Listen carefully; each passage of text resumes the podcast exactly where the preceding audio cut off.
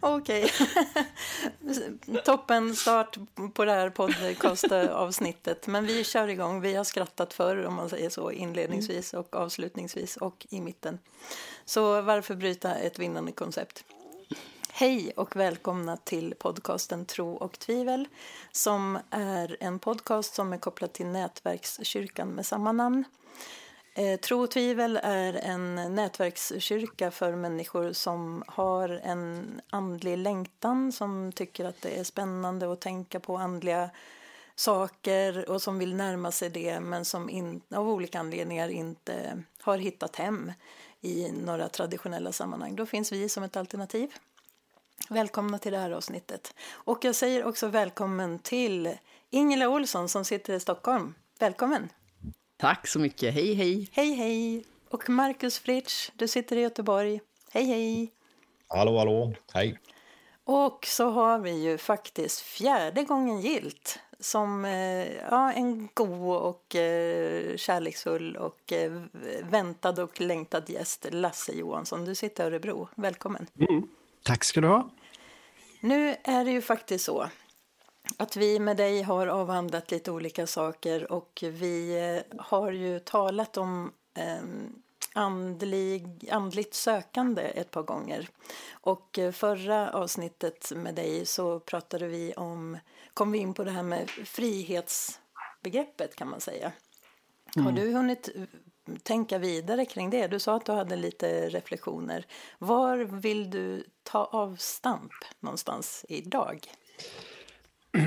Förra gången så pratade vi bland annat om det här med frihet i den bemärkelsen att människor kan uppleva en, en svindlande frihet över att plötsligt så finns det alla möjliga krafter och makter och eh, världen blir ett enda stort mysterium. Men eh, över tid så märker man att det inte är så alldeles lätt att relatera till de här olika krafterna och energierna som man då är tvungen att förhålla sig till om man ska leva med en vidöppen världsbild. Liksom.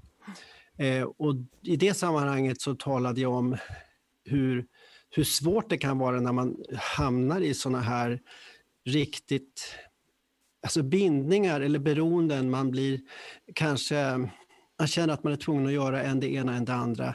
Eh, man kanske känner att eh, man hamnar i rädsla, fruktan eh, och mörker. Eh, men att det, det finns en frihet på andra sidan. Eh, och det pratar vi om att ja, flera har upplevt det här, vilken frihet det kan vara. Att um, uppleva hur, hur rädslan försvinner, mörkret försvinner när Jesus kommer uh, med sin, sin frid, sitt ljus. Mm. Um, och det, det, här är ju en starkt eh, existentiell upplevelse men den kommer just ur mötet med de här krafterna och så. Men det finns ju andra sorters friheter, eller ska vi snarare säga motsatsen, som ju också upp, uppstår ur den här fantastiska friheten. Det är ju eh, en annan slags frihet som erbjuds i den andliga sfären. Det är ju den här fantastiska till synes möjligheten att styra sitt liv helt och hållet själv.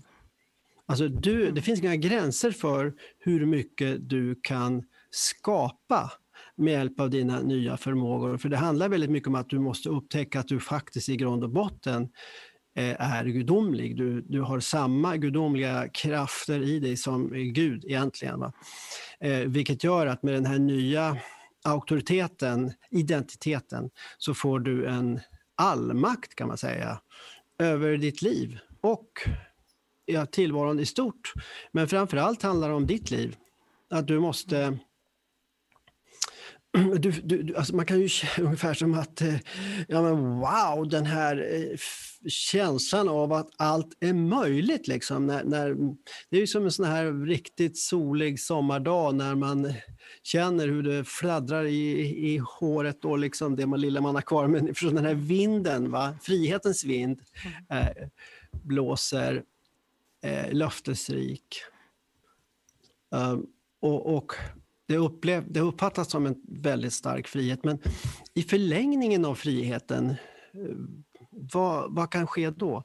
Eh, och, och, där är det ju väldigt många som berättar att det finns avigsidor med friheten. Mm. Därför att om många människor upplever kanske hur man kommer ur vanmakt, man förmår ingenting och så plötsligt får man all makt. Mm. Eh, och så praktiserar man den här nya makten eh, för en tid och eh, upplever att det inte är så himla lätt som det sägs. Ehm, det blir inte så bra som det sägs i de här böckerna eller på de här seminarierna. Ehm, och så upptäcker man att man är faktiskt eh, inte så lätt att leva här som det ser ut och man blir liksom egentligen bunden av sina nya befogenheter i en mening. För att om det inte blir som det sägs i den här undervisningen, mm. vem beror det på då? Jo, det beror ju på dig själv. Du har inte, kunnat, du har inte utnyttjat din makt, din auktoritet som du har. Eh, så, att, så att egentligen är risken stor för att man hamnar i en ny vanmakt. Den här mm. gången som är den kanske större än den man hade tidigare. Mm. För nu vet man ju med bestämdhet att jag kan inte skylla på någon annan än mig mm. själv. Eftersom jag själv har all makt så har jag också allt ansvar. Liksom. Mm. Och, och, eh, här undrar jag om det inte den här andligheten passar människor som redan är väldigt eh, starka och duktiga som orkar hänga i och bita ihop och säga jajamensan. Mm, liksom. Mm, mm. Um, det finns lite för lite utrymme till uh, svaghet här. Och i förlängningen så kommer den här intressanta frihetens paradox i en fördjupning. Och det här har jag berättat väldigt många gånger, men för några år sedan så medverkade jag vid en mässa på slottet här i Örebro där eh, vi efteråt sitter och samtalar. Det var en, eh, en snubbe som jag brukar kalla för riksschamanen, jag ska inte säga vad han heter, men hur som helst.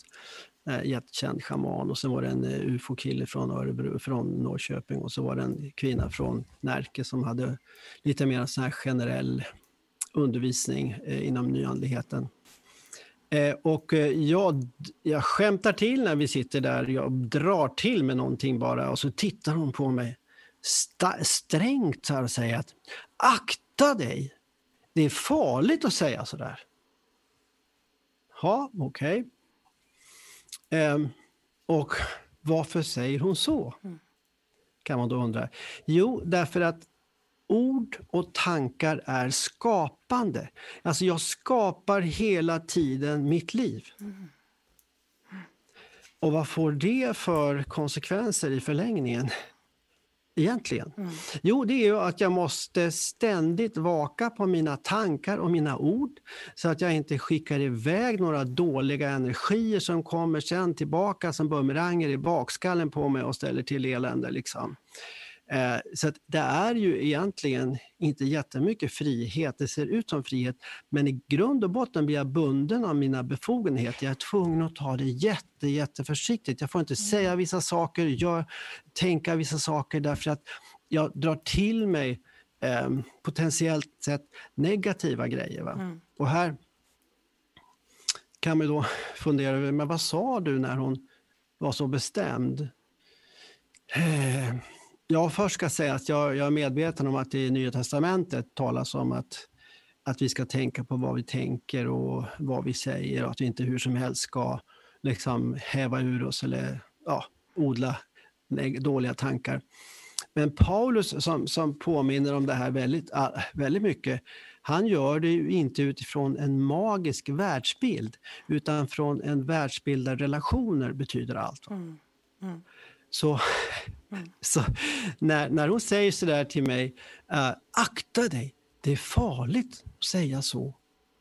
Så svarar jag bara, nej. Jag lever inte i en lika magisk värld som du. Jag är fri. Mm.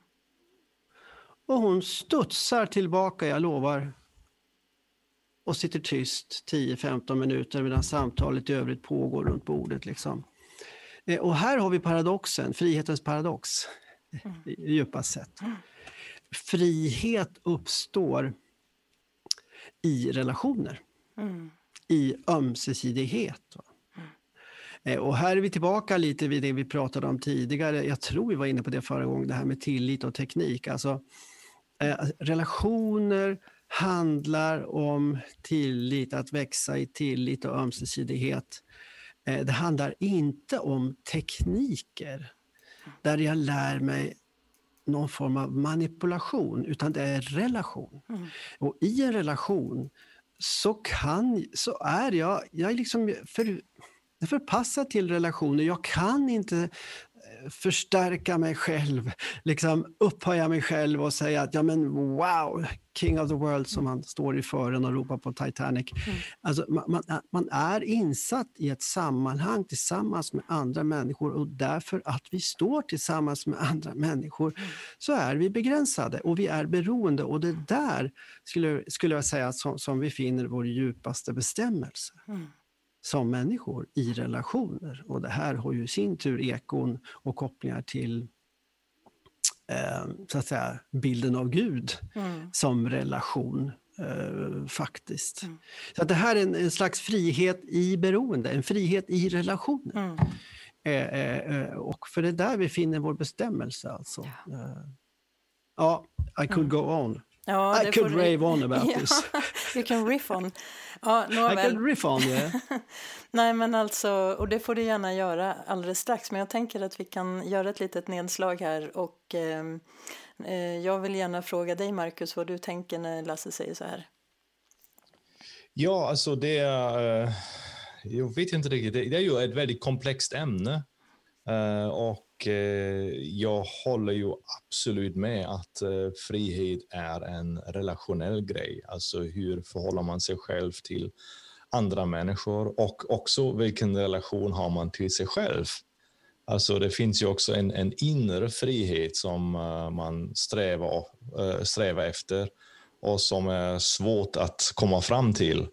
Eh, att inte bli påverkad av andra människor, vad de säger eller vad jag tror att de tänker uh, om mig. Uh, det är också en aspekt av frihet. Um, alltså, ja, alltså det som du beskriver är, är en aspekt. En, en fråga har jag kring det här med att sätta ord på grejer, alltså formulera sina tankar. Um, jag tycker att det, ibland är det svårt, det flummigt att sätta en gräns för det kan ju vara så att man genom att uttala någonting så ska, skapar man någonting. Alltså man kan skapa en ännu större frihet eller man kan skapa eh, en lögn också. Alltså om man, eh, om man säger om och om och om samma sak så, så skapar man en grej som antingen är bra eller kan vara destruktiv. Därför tycker jag att det är ju på, i en viss mån är det ju viktigt att, uh, att vara mån om sina ord. Alltså vad säger man eller vad säger man inte? Och samtidigt har vi ju friheten att tänka vad vi vill och vi kan också säga vad vi vill. Men ändå är det viktigt att veta vad, vad är, är gränsen kanske. Uh, och då kan det vara flummigt. Var, går den här gränsen? Vad, vad är lämpligt och vad är inte läm lämpligt längre? Mm. Det var en av tankarna som jag hade när jag mm. lyssnade till det. Kanske lite.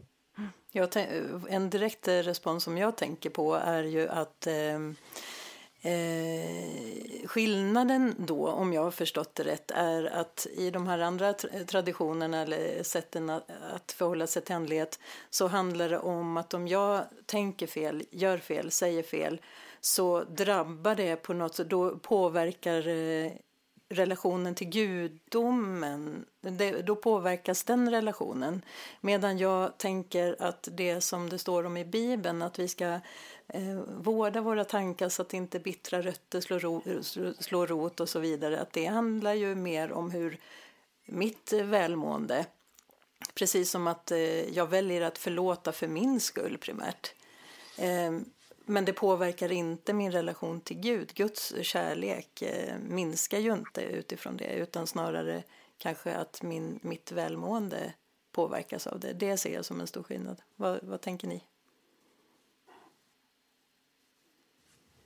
Ja, men jag, ja, jag, jag tror alltså i och för sig att det är klart, rent subjektivt så tror jag förlåtelse har exempelvis en väldig innebörd, väldig betydelse för en själv. Mm. Men jag tror också att det finns inte, inte bara en, en horisontell dimension i det här, att det rent subjektivt får mig att må bättre om jag blir förlåtande, utan jag tror att det finns eh, vertikala dimensioner också. Gud mm. älskar mig alldeles oavsett mm. vilken skithög jag är. Liksom, va? Men, men, men det kan ju komma in störningar i relationen som gör att man själv känner, känner sig verkligen känner oro och, och, och frustration och ofrid och allting. Och ofrihet. Eh, men det, ja, det, det, är ganska... Ja, det, då hamnar vi rakt in i det här med förlåtelse och, och så vidare. Och hur ska, hur ska vi se på Gud och, och liknande. Och det, det kanske för för långt, men jag tänker att det här som du är inne på, Markus, är ju, det är ju viktigt att, att tänka på det. Att ord har betydelse. Vad jag tar i min mun, vad jag sprider omkring mig har absolut betydelse. Eh, för det, ord är ju skapande. Alltså man, kan ju vara, man kan ju förpesta en arbetsplats eller en gemenskap otroligt mycket med, med, med sina ord och mm. skapa någonting destruktivt. Så visst är orden viktiga. Eh, men det här, jag skulle ändå vilja skilja lite på den här mera magiska synen på ord mm.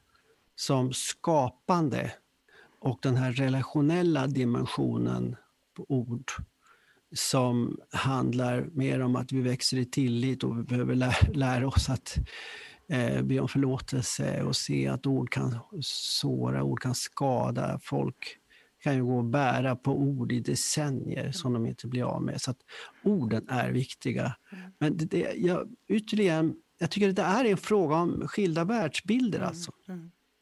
Och där kan jag tycka också att vissa, vissa former av kristen tro kan bli magiska, alldeles för magiska. Mm.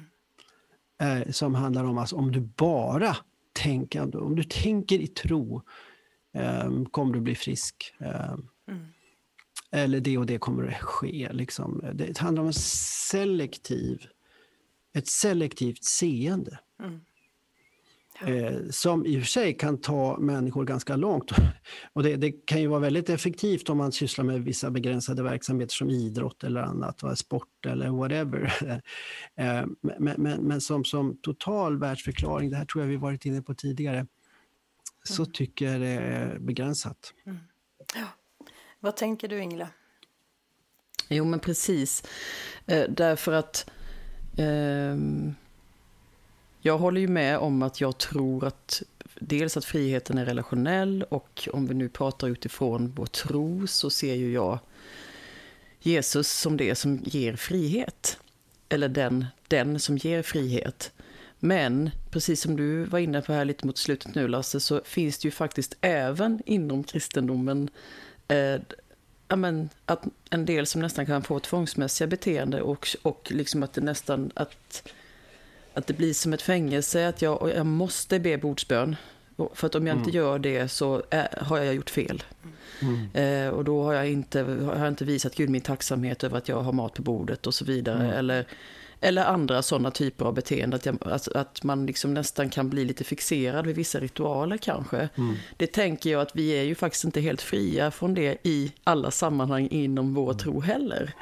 Mm. Eh, men jag tror ju däremot att den går att finna. Liksom. Mm. Och att det, jag tror att det är eh, Ja, väl återigen, det handlar ju egentligen då, som allting vi alltid kommer tillbaka till, vilken gudsbild man har. Mm. Mm. Blir Gud tvärilsk om jag inte ber eh, för eh, bordsbön? Men är han så, är han en god gubbe eller hen en god gumma eller vad man nu tror? Mm. Alltså vad, eh, då, liksom. Mm. Och jag menar om, om Gud är kärlek återigen så tror jag nog kanske inte att att det handlar om det här med prestation eller att man måste göra vissa ritualer. Men jag har ju ändå träffat på människor som är, som kallar, som är varmt troende, som kallar sig kristna, men som faktiskt lider av sådana här eh, lite tvångsbeteenden och behöver ha sina ritualer. Så det, jag tänker bara att vi, vi är ju inte helt fria från det. Nej. Eh, mm, Så var det något mer jag tänkte på som jag har glömt nu, men jag kanske kommer på det sen.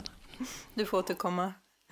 Men det är ja, för att nu kom ju mitt tvångsbeteende in då. Jag kom ju på att jag har ju inte presenterat Micke Picke.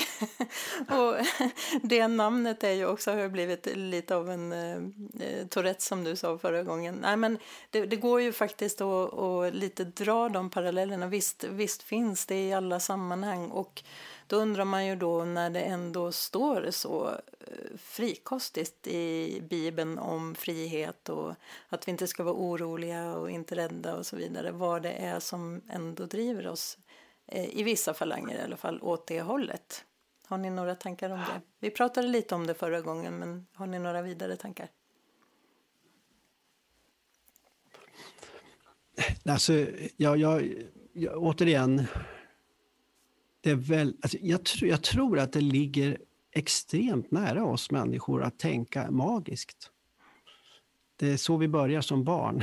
Mm. Och uh, somliga fortsätter uh, det magiska tänkandet. Och um, vi har väldigt lätt för att hamna i det här, bara jag gör si så blir det så.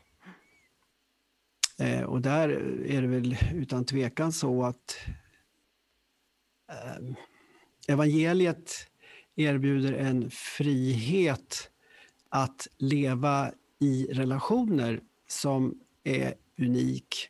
Och jag skulle säga att det här som du var inne på, det här med bordsbönen. Där kan vi tänka som det hela som en subjektiv dimension. Alltså om, om jag ber bordsbönen och kommer ihåg att be det varje dag exempelvis, så gör det ju någonting med mig. Det är inte så att Gud älskar mig mer om jag ber bordsbön varje dag i veckan. Men jag påverkas av det därför att jag påminns om att vara tacksam exempelvis. Det är inte självklart att ha mat på bordet, det har ju blivit det hos oss i Sverige. Vi lider inte av brist på mat. Men väldigt många andra saker som vi gör eller som vi gör kan ju vara positiva för vår, vår personliga andliga mm. utveckling och så. Mm. Mm. Men jag tror inte att Gud sitter och retar upp sig och samlar liksom och för protokoll över våra gärningar. Mm. Eh, det tror jag inte. Nej. Där, där, där, där blir det liksom någon slags tvångsmässighet som kommer in som jag är, är bekymrande. Mm. Ja, men det, och det är nog egentligen det jag menar, kanske för att förtydliga då, att det kanske mer handlar om att eh, det är beteende som skapar ångest. För att ja. om man inte gör det så, så har man misslyckats på något, i någon mening. Mm. Då. Mm. Eh, och det är väl, för att be bordsbön varje dag så kan väl vara en jättefin grej. Mm. Det är ju ja. inte det i sig som jag tycker är bekymrande, utan det är när man känner att man måste göra det eller om man har missat det så börjar man få ångest och må dåligt. Mm. Eh, det är egentligen, för att liksom smala av det lite, så mm. är det nog mer... Ja. Men det är precis som du säger så tror jag faktiskt också att, som du säger, att det ligger ganska mycket i människans natur. Jag tror vi får alla dras med lite olika typer av... Alltså, det här som du säger, att vi startade som barn med att, att se, se, världen som magisk, eller vi skapade en magisk värld i vår fantasi, eller vad det kan ha mm. varit. Mm. Um, om man liksom fortsätter med det så finns det ju så här, fi, finns ju så här, att vara kreativ och ha en fantasi är ju egentligen mm. positivt också. Mm. Men um, om man inte riktigt har kontakt med verkligheten så kan det ju bli ett problem kanske då. Ja, absolut. Uh, men, men jag tänker bara då att Ja, det är så på väg, det ligger här någonstans och är på väg fram nu i hjärnan. Det liksom försvinner hela tiden. Jag vad det med mig idag. Nej men, äh, ähm, ah, ja, det, min hjärna det, det, är, är på halvfart. Ja men det, det dyker upp säkert. Mm. Ehm, det, gör, det brukar göra så. Mm. Mm.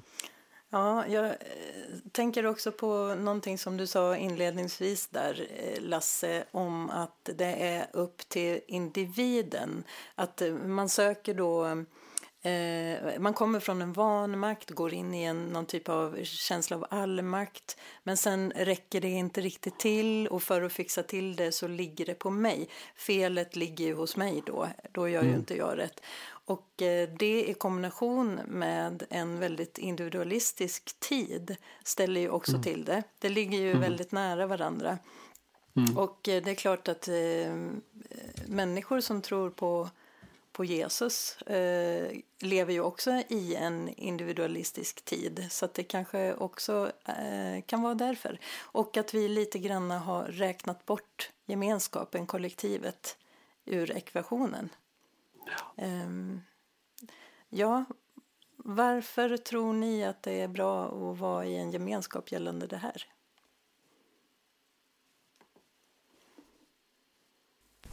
Ja, jag, ska, jag vet inte om jag ska fortsätta eller om ni, ni kör på. Kör du. Ja, jag kör på du. Nej, men det är ju i gemenskap som jag påminns om eh, att jag är beroende av andra människor och står i relation till andra människor. Där det är de som påminner mig om att jag faktiskt inte är Gud, utan tvärtom. Eh, jag är långt ifrån, far from God, i den meningen att jag, är, jag kan... Liksom, det är väl en av, en av de jobbiga sakerna med att leva. Att ju, jag har sagt till mina studenter, liksom, att ja, men ju, mer, ju längre du lever, ju mer, ins, ju mer kommer du se hur klapprutten du är. Liksom.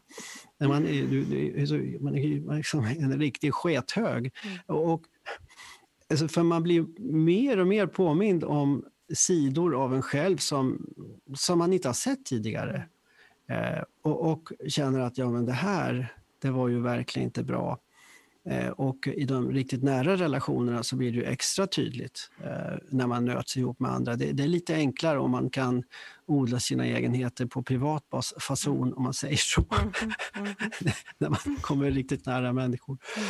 Då, då sätter ju de fingret på de ömma punkterna. Det är, tur, det är tur att inte Micke har en mick nu, kan man säga. jag kan klippa bort det här. Ja nej, men, nej men alltså verkligen, och, och, jag måste säga att det, är, det tillhör ju en av rikedomarna i livet som senast i söndags satt vi några stycken och pratade om det här och, eh, och på förekommen anledning. Alltså jag sa så här, ja men vad bra det är att det blir dåligt. Att det blir riktigt dåligt ibland. Mm. För då måste man ju börja fundera över hur kunde det gå så här galet? Mm. Eh, och så ser man, kan man se sig själv på djupare sätt än tidigare. Mm. Mm. och, och, förstå att man behöver tagga ner. Eh, behöver liksom justera både det ena och det andra och tänka på vissa saker som man bara kanske har gjort sådär eh, per automatik. Alltså vissa grejer kan man ju nästan göra reflexmässigt, mm. Eh, reflexmässiga och bli en del av, av ens beteende och så.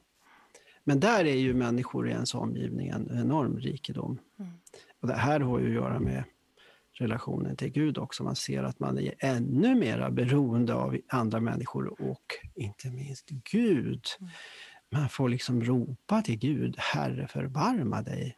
Hur kunde, hur, ja, alltså man, man upplever verkligen sin, sin, sin, um, sitt beroende, tycker jag, i god mening. Mm. Mm. Att man inte reder ut allting själv, att man inte, att man inte är så har superkoll eh, på allting. Mm. Ja, ja. Ja, men du har ju en jättebra sägning, eh, Ingela, som jag tycker hänger ihop med det här, som är ensam är inte stark, ensam är ensam. Mm. Eller hur?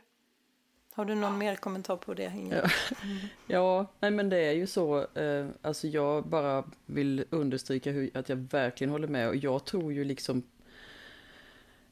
att det finns eh, i gemenskap så kan man ju också få sitt ego eh, kliat på ett fint sätt. Och det är inte bara för att det är någon som ska säga vad bra du är, utan det handlar ju om ens personliga utveckling som jag tror är, det går inte utan andra människor. Mm.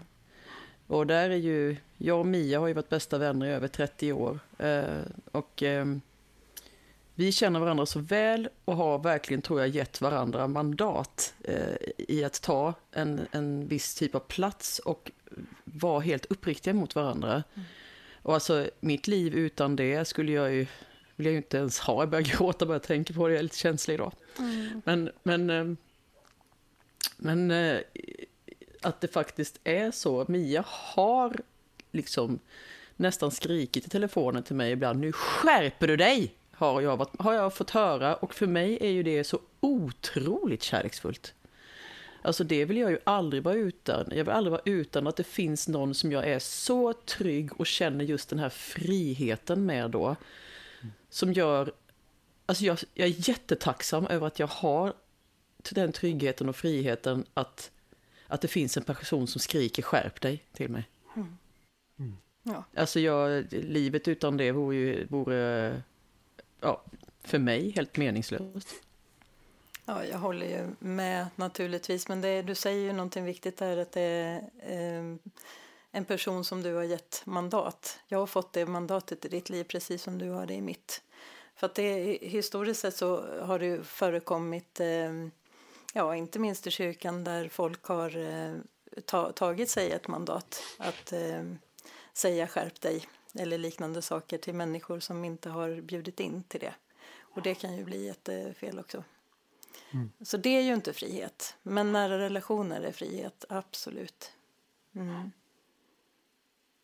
Ja, på ett sätt i alla fall. För att det, i relationer, det, det, var som Ida sa, Ida Sand, en otroligt begåvad musiker, var här eh, och vi hade ett tro och tvivel-event med henne och hon fick fundera på lite saker som hon ville prata med oss om och så hade vi som ett panelsamtal inför publik. Och då kom hon ju in på det där faktiskt och sa att ja men, frihet liksom. Ni pratar om att det finns frihet i relation till Gud och, och det är där den största friheten finns. Men min erfarenhet är ju att i varje relation man går in i så, så reduceras ju friheten. Då har man plötsligt en till att förhålla sig till. Man måste kompromissa, man måste rätta sig efter det. Och det är klart, i någon mening, mening så har hon ju rätt. Vad tänker ni?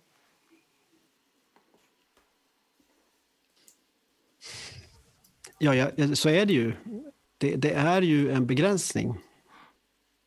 Um, I beroendet så blir jag begränsad. Och du var ju inne lite på det, Markus också, att det finns någon slags, kan finnas någonting förtryckande i relationer. Mm. Absolut. Det gamla samhällets relationer var ju inte bara goda utan eh, i hög grad förtryckande också.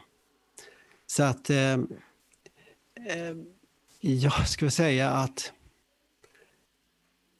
det, det, det är liksom, it works both ways. Jag, jag blir tvungen att gå in under alltså i beroenden och som innebär begränsningar. Eh, men just i det så, så växer jag också. Så att det är ju det är, det är paradoxalt detta. Mm. Alltså jag, jag, jag liksom blir tvungen att, att gå med andra människor och det blir jobbigt men utvecklande. Mm. Eh, och ja, det är liksom en av livets eh, gåtor det här. Och det, där kan man inte renodla individualismen liksom, och, och, och så. Alltså det, det, individuella, ensam är stark. Eh, idealet håller inte hela vägen. Och det, jag har varit inne på alla de här manualerna, böcker om hur man sköter sitt liv. Liksom. Och det finns, jag vet inte hur många sådana böcker det finns. Alltså jag gjorde en inventering för några år sedan och det, det är en flod av manualer för hur man sköter livet. Eh, som i grund och botten lägger dess, det totala ansvaret, eller ja, det största ansvaret, det är nästan totala ansvaret på den enskilde. Eh, och jag menar, det är tunga bördor att bära i ett samhälle som redan är väldigt krävande, där allt liksom registreras precis på öret. Och så, så att det är inte konstigt, tänker jag idag, att många människor inte mår jättebra. Mm. Därför att man får hela tiden höra att allt hänger på en själv. Mm. Um, ja, jag kan tycka att det finns en fantastisk frihet i det här att erkänna, ja men det här gjorde jag inte bra. Mm. Jag behöver någon med, jag behöver, eh, jag behöver något, någon utanför mig själv. att inse sin svaghet och brist mm. finns en svindlande frihet i det, måste jag säga. Fullständigt. Att somliga människor, ja men så kan du... Alltså, jag har stött på människor som säger att vissa saker kan man inte säga eller erkänna om sig själv, för då får man det. Jag säger, men det är väl fantastiskt att kunna säga, men this is it. Mm. Så här, jag känner mig, jag känner mig, jag mår skit idag. Wow! att kunna ha den friheten, mm. att kunna vara ärlig.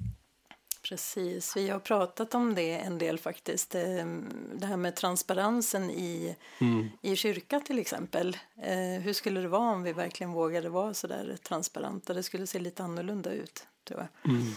Men ehm, ja, kanske är det så att vi förväxlar ordet frihet med oberoende. För det mm. är ju inte samma sak då i det här resonemanget som vi för. Eh, det är Precis. kanske där, eh, ja, vad, vad tänker ni? Ja, det är egentligen det som jag upplever att jag funderar på när jag lyssnar till samtalet. Vad är det egentligen som vi menar när vi säger frihet? Mm. Uh, vad är frihet? Och uh, jag tror att det är precis så som du säger, att olika människor har helt olika definitioner uh, när man säger frihet. Uh, en människa kanske säger frihet är att jag får göra vad jag vill. Um, och det är kanske den mest populära definitionen av frihet. Men det, det, finns, ju, det finns ju människor, om man, om man försöker visa en kontrast, det finns ju slavar fattiga människor som är helt beroende av andra människor som har ändå en otroligt stor frihet i sitt hjärta. Mm. Ja, de verkar inte påverkas av allt som händer runt omkring. Mm. Uh, och det finns andra människor som har biljoner på kontot. Uh, alla möjligheter uh, och ändå känner man känner sig instängt och väldigt begränsad. Mm. Mm. Och då är frågan, vad är frihet överhuvudtaget? Vad är det vi pratar om? Mm. Och eh, därför är det viktigt att, att ha en, en, en, liten definition. Och för mig personligen är ju det viktigaste när man pratar frihet är ju att komma fram till den inre friheten. Uh, att jag inte blir påverkad av yttre begränsningar. Uh, av min ekonomi eller mina uh, gåvor som jag inte har kanske. Alltså allt det som jag inte har, allt det som jag inte kan utnyttja. Uh, utan att vara tacksam, fri, glad, uh, transparent i den ramen som, som jag har. Och, och, och trivas i det. Eh, även i sjukdom, även i smärta kan man vara en fri människa. Mm. Det är någonting jag strävar efter egentligen. Uh, men när jag pratar om min definition av frihet med någon annan, vi pratar om frihet, så pratar vi om två olika saker kanske och inte mm. blir inget riktigt samtal. Mm. Ja. Jag tänker precis på det det alltså definitionen där, och att det är att oberoende och, frihet, och frihet, alltså skillnaden mellan dem. Eh, jag tror att jag kanske var lite vilsen, inte att jag, jag har nog aldrig varit särskilt mycket av någon som gillar det individualistiska, men jag tror att jag trodde att jag trodde att jag var tvungen att vara eh, stark som ensam. Um, men det är ju, det är bara att lägga upp för en depression alltså. Mm. För att det, det, miss, alltså varenda dag så står det ett misslyckande och lurar bakom eh, kröken. Liksom. Det händer, ja. Vi misslyckas ju, vi är ju människor. Mm. Men, men jag tänker också då på lite det som, som du snuddade på, det här med att kunna vara ärlig, att faktiskt kunna tala sanning och det står ju faktiskt att sanningen ska göra er fria. Yes. Eh, så jag tror ändå jättemycket på det här att liksom kommunikation, inte häva ur sig vad som helst. Hela tiden försöka ha på sig eh, eh ödmjuka glasögon när man möter en annan människa. Och faktiskt tänka att man, man möter en människa och man har ingen aning vad som finns i det, i, i, i den personens inre så att man ändå alltid bara var snäll helt enkelt. Mm. Men det är inte samma sak som att man inte kan vara tydlig. Mm. Och vara ärlig och säga så här känner jag, så här tänker jag. Hur tänker du? Liksom. Ja. Jag blev lite irriterad på dig igår när du sa det här. Jag vill inte göra dig ledsen nu, men jag har bara känt att jag känner att jag behöver ta upp det med dig för att jag vill att mm. vi ska ha en god relation. Mm. Liksom. Eh, det är för mig frihet. Mm. Det är liksom eh, kommunikation eh, och sanningen just. Liksom. Och även om sanningen är superobekväm så tycker mm. jag ändå att den är att föredra framför en lögn. Mm. Helt klart. Det är för mig frihet. Mm. Ja, jag, jag, hänger på. Mm, Också vad, vad, du sa tidigare, Marcus. Jag skulle innan innan det går för långt i tiden så tänker jag ta upp en relaterad tråd eh, när vi pratar om de här sakerna som har med andligt sökande att göra. Det, det, är ju det är ju väldigt många som tänker att jag ska Alltså, problemet med oss människor är att vi har liksom förlorat kontakten med vårt ursprung. Alltså, vi behöver eh, återkoppla återförbinda oss med, med vårt ursprung. Eh, alltings upphov, skaparen, eh, Gud eller vad vi nu kallar det. Eh, och där kan ju då jag som troende hänga, hänga på och säga ja, ja visst, absolut. eh, det är väldigt viktigt att, att, vi, att vi får en ny förbindelse med, med alltings upphov och alltings ursprung. Um, det skulle vara väldigt mycket bättre, samhället skulle bli bättre om fler människor hade en sån koppling. Alltså där kan vi hålla med varandra, men samtidigt märker man då att eh, också här så blir det en spänning mellan å andra sidan anknytningspunkt för mig och brytpunkt också. Därför att när man börjar söka den här kontakten med alltings ursprung så, så vänder man så, uh, uh, liksom, Rådet man får är att man ska söka in i sig själv. Man ska vända blicken in mot sig själv. The only way out is in. Vi har varit eh, inne på det här tidigare. Och, och när jag gör, vänder blicken in mot mig själv så är tanken den att jag då får kontakt med alltings urgrund. Eh, eh den kosmiska energin och kraften och så. Eh, och det, det, märkliga är här att ganska många börjar då berätta, som jag har träffat, att man, man liksom upplever sig allt mer uppluckrad kanske, diffus i konturerna. Att den här individualiteten och personligheten som man tidigare utgick ifrån på något sätt ändå klingar av, försvinner bort.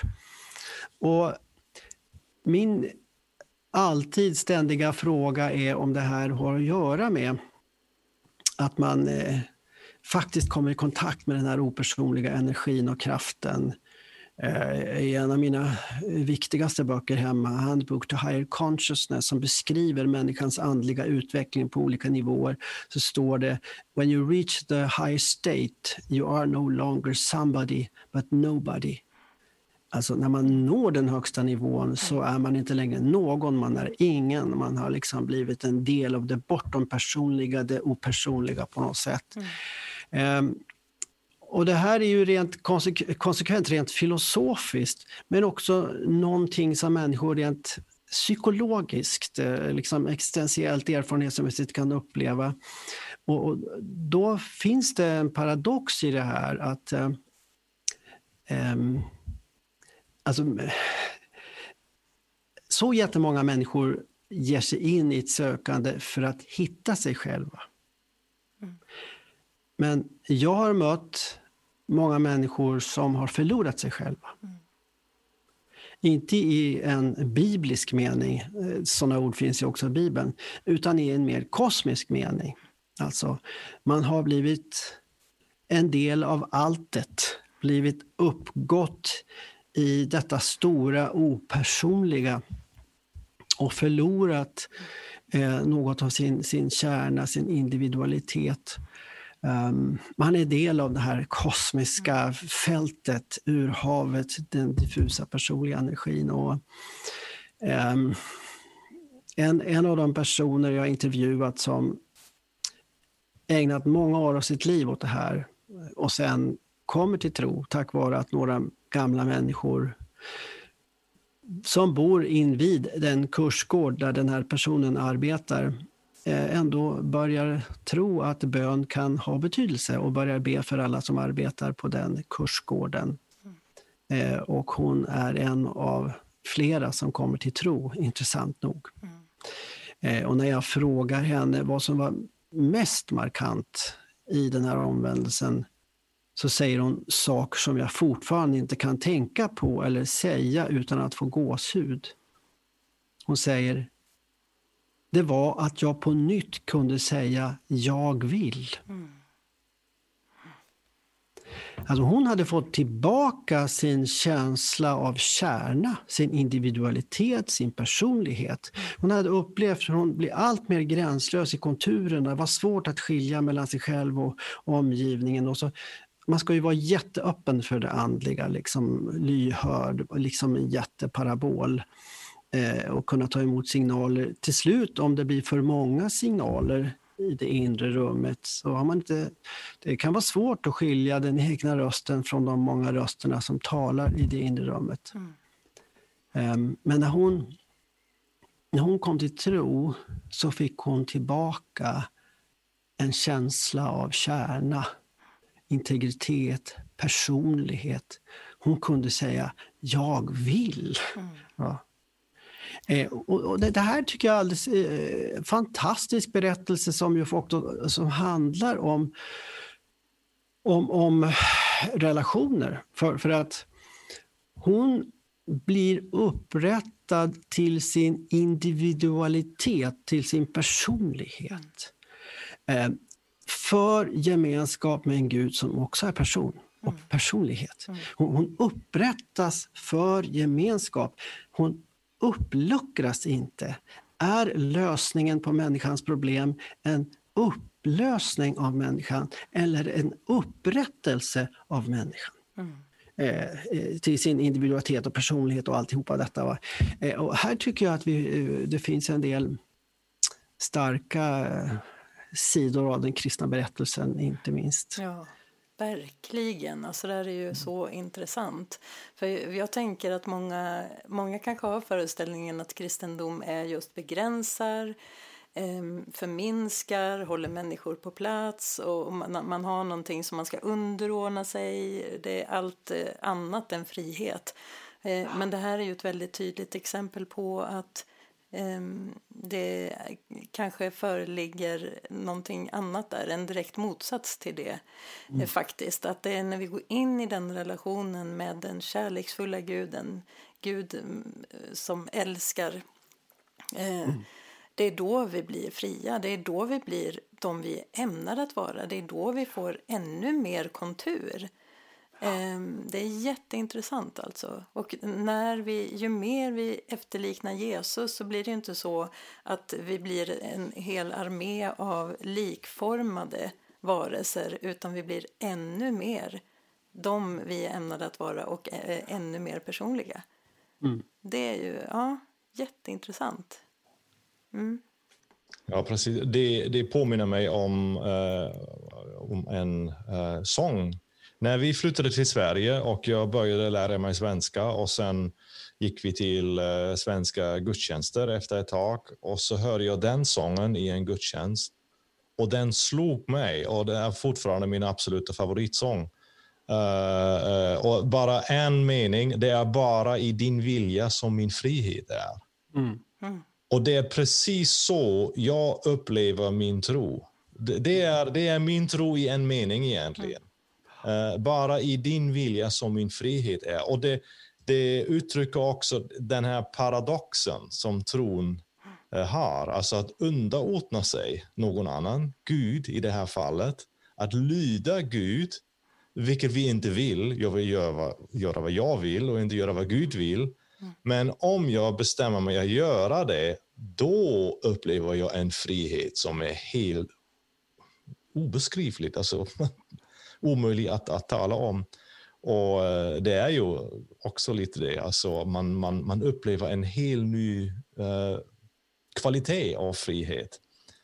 Och uh, det behöver vi verkligen um, tala mer om och uh, sälja mer, alltså den friheten. Visst, det har, vi, det har varit många, många fel och misstag i kyrkan. Uh, men um, ibland väljer man också att betona bara det som, är, som har varit uh, fel. Um, att uh, underordna sig Gud kan leda till en otrolig frihet som man inte har upplevt innan. Eftersom Gud är god och kärlek. Mm. Ja. Det är ju det återigen som ni alla har varit inne på i omgångar och jag med. Eh, det här att det handlar om Guds bild. Vågar vi lita på att Gud faktiskt är god? Då blir det hela ett äventyr och då blir den friheten också eh, någonting positivt laddat och ett äventyr mm. som vi pratade om förra gången. Mm. Amen. Amen. Ja, det kanske är amen faktiskt. Ja, men faktiskt bara, det, det går inte att komma ifrån. Mm. Att... hur mycket man har försökt. Ja, hur mycket jag har försökt. nej, men, nej, men just där, Gud är kärlek. Vem vill inte underordna sig kärleken? Jag kan mm. inte förstå det. Mm. mm. Det, det jag menar är att jag, det finns, jag kan ha i mitt liv haft enormt svårt med auktoriteter, det känner, vet du Mia som känner mig. Jag, jag yes. Nej men alltså, och, alltså, nu har jag blivit lite äldre och förhoppningsvis lite mognare, men som en yngre kvinna så kunde jag nog eh, bli jag är en sån som, jag vill ha argument för varför jag ska så. Ja, absolut, jag kan väl eh, underordna mig, men då får du förklara varför. Liksom. Jag är inte bara den som viker mig. Liksom.